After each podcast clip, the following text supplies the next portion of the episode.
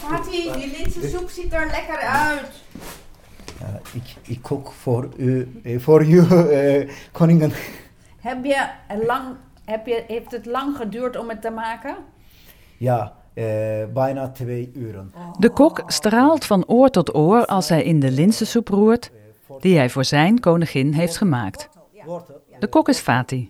Hij komt uit Turkije en de koningin is Barbara en zij woont in een appartement in Amsterdam-Oost, net buiten de ring. Want de linzen die jij hebt gebruikt zijn oranje, toch?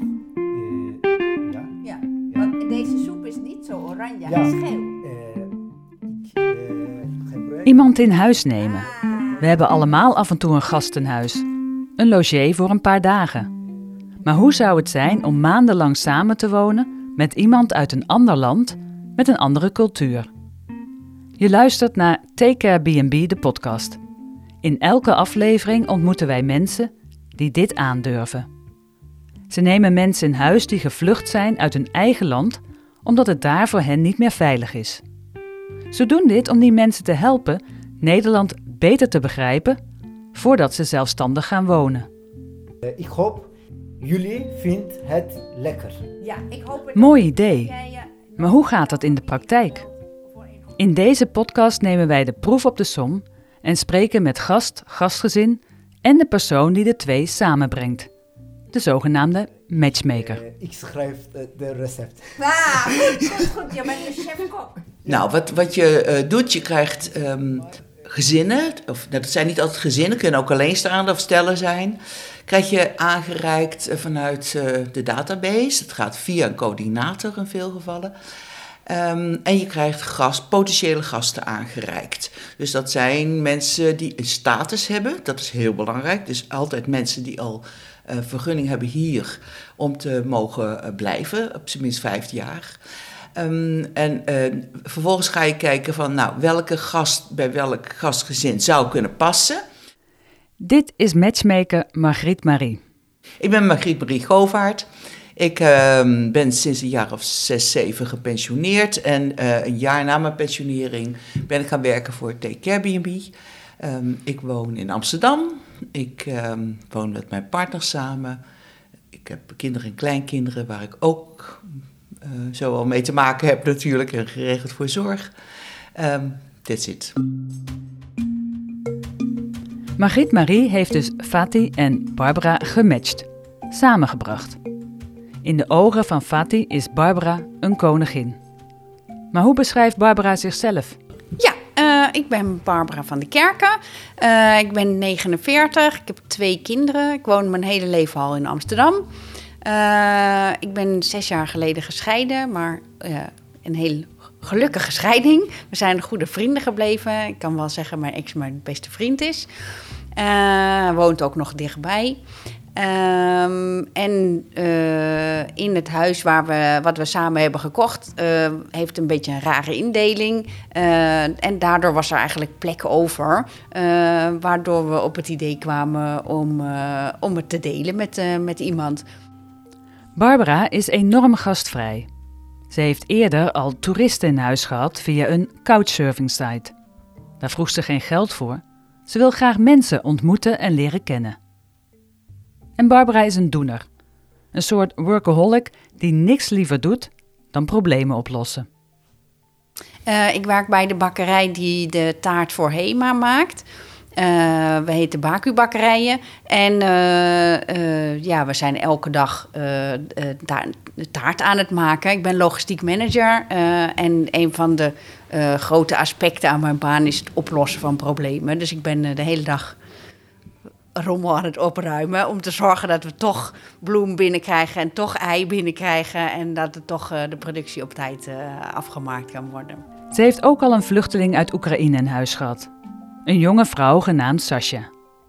Die woont inmiddels ergens anders.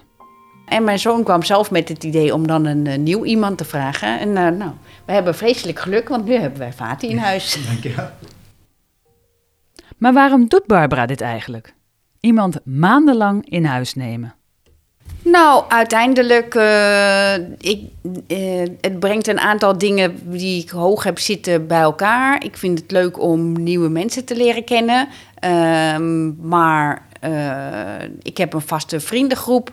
Ehm, uh, mijn werk is al een aantal jaren hetzelfde. Uh, en dan kom je niet zo snel zomaar iemand nieuw tegen. Uh, dus dit is een van de manieren om nieuwe mensen te leren kennen. ik vind het ook goed voor mijn kinderen om mensen uit andere culturen te leren kennen. Mijn zoon wil graag Engels leren. dat was een aantal jaar geleden mijn dochter, maar haar Engels is nu al fantastisch. Ehm, en op deze manier breng je alles zo'n beetje bij elkaar. En het, het je doet ook, voor mij voelt het als iets goeds doen in de wereld.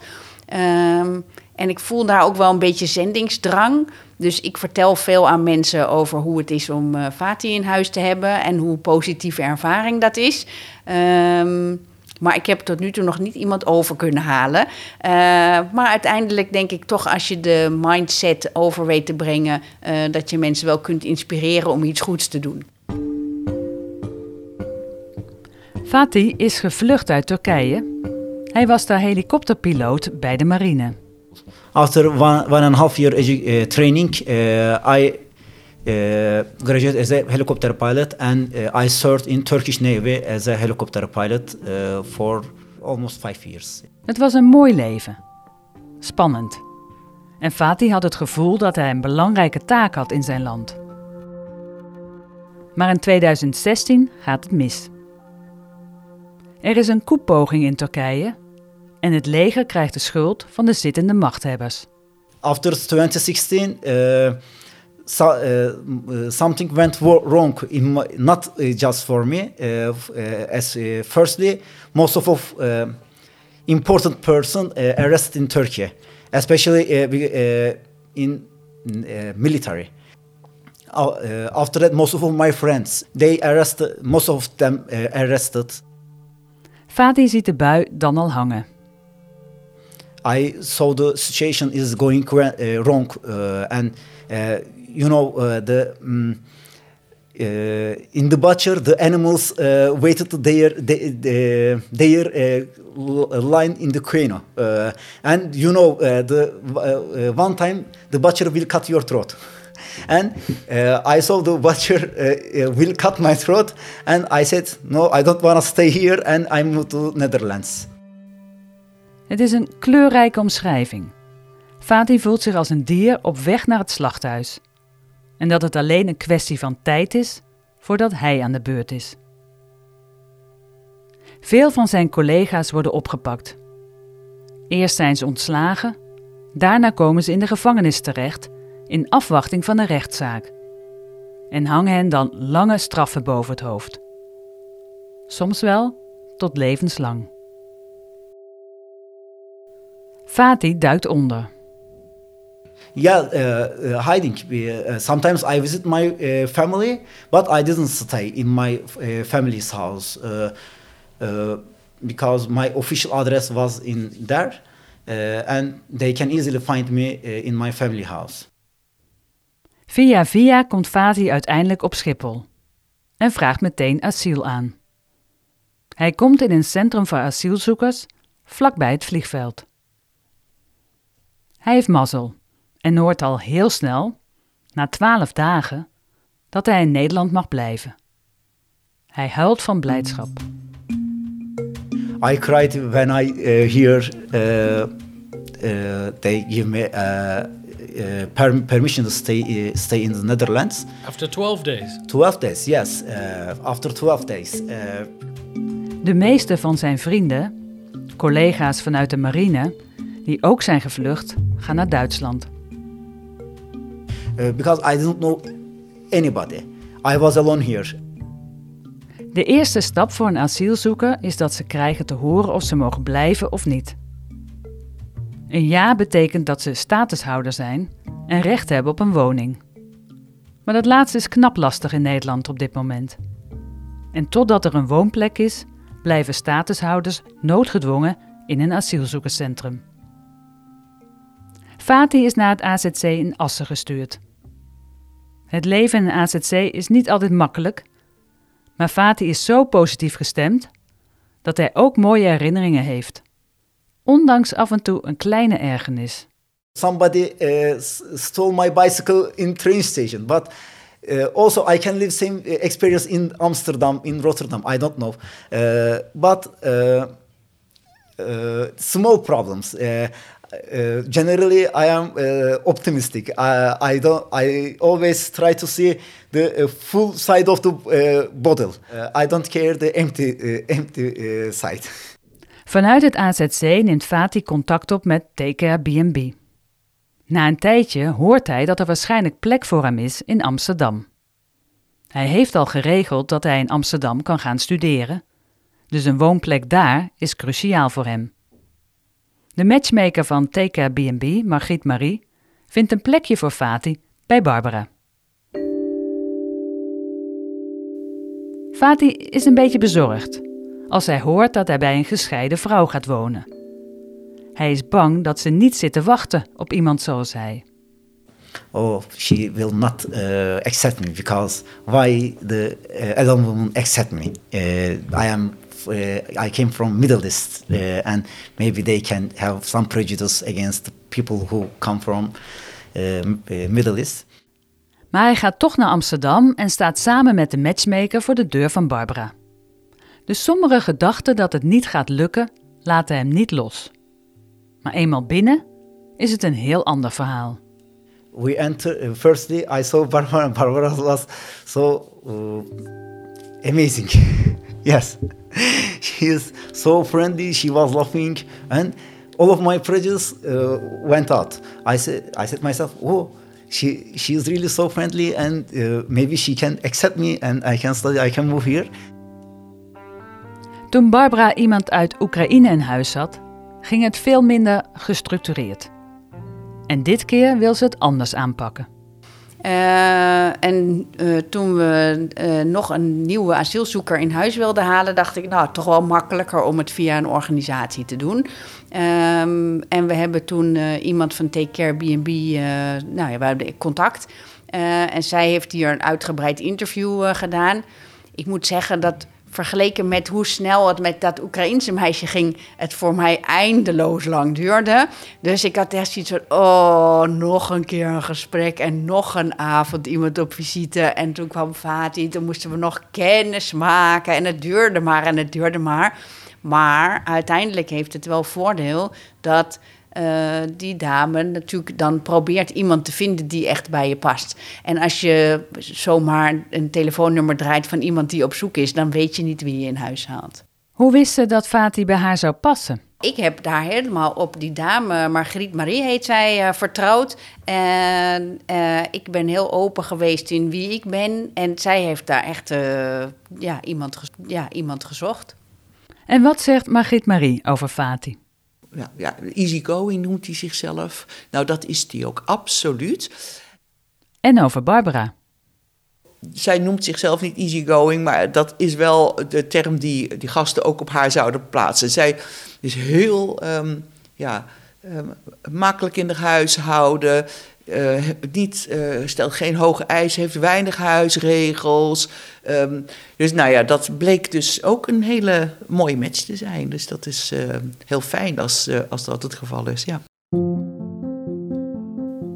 Inderdaad, thuis bij Fatih en Barbara is het duidelijk dat er een hele goede klik is. Vanaf het eerste moment zorgt Barbara ervoor dat Fatih zich welkom voelt. uh, belangrijkste ding is board. The, uh, dat is, uh, uh, dit is belangrijkste moment voor mij. Daarom, als, wanneer ik kom hier, eerst ik kom hier, ik zie welkom Fatih in het bord. En ik... Ehm, ik heb ooit een film gezien en daarin waren twee kinderen geadopteerd. En toen hadden die ouders dat zo'n soort bord gemaakt.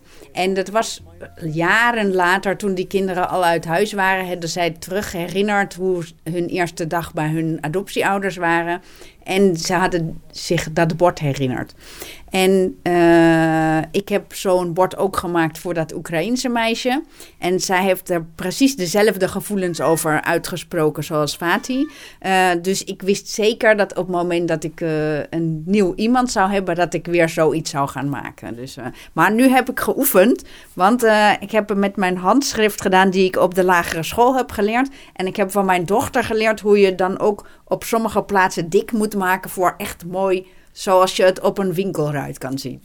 She and her family uh, uh, prepared this board for me, and I will never forget this moment in the future. Never. Waar moeten mensen op letten als ze iemand zoals Fati in huis willen nemen? Hier is matchmaker Margriet Marie weer. Je levert absoluut in op privacy. Dat is, dat is e-, echt absoluut waar. Er is gewoon eigenlijk steeds iemand anders ook in je huis. Of niet altijd, maar een groot deel van de dag. Je moet er rekening mee houden. Als er iets aan de hand is met die persoon, hè, dat is natuurlijk vaak zo. Mensen die krijgen onaangename boodschappen, er is gedoe. Uh, ze moeten iets regelen, krijgen het niet voor elkaar. Uh, Nederland is verschrikkelijk voor nieuwkomers. Echt verschrikkelijk denk ik van hoe denk je dat ooit iemand hier een plek kan vinden, zoals wij dat regelen? Echt vreselijk. Maar, dus nou, daar hebben ze allemaal, uh, worden ze mee geconfronteerd. Soms ook met hele nare dingen vanuit hun thuisland natuurlijk, hè, waar ze berichten krijgen. Daar word jij ook allemaal mee geconfronteerd. Dat hoor je, dat merk je, soms enorm emoties uh, die opsteken, waar je ook je toe moet verhouden. Bij Barbara en Fati loopt het heel vanzelfsprekend.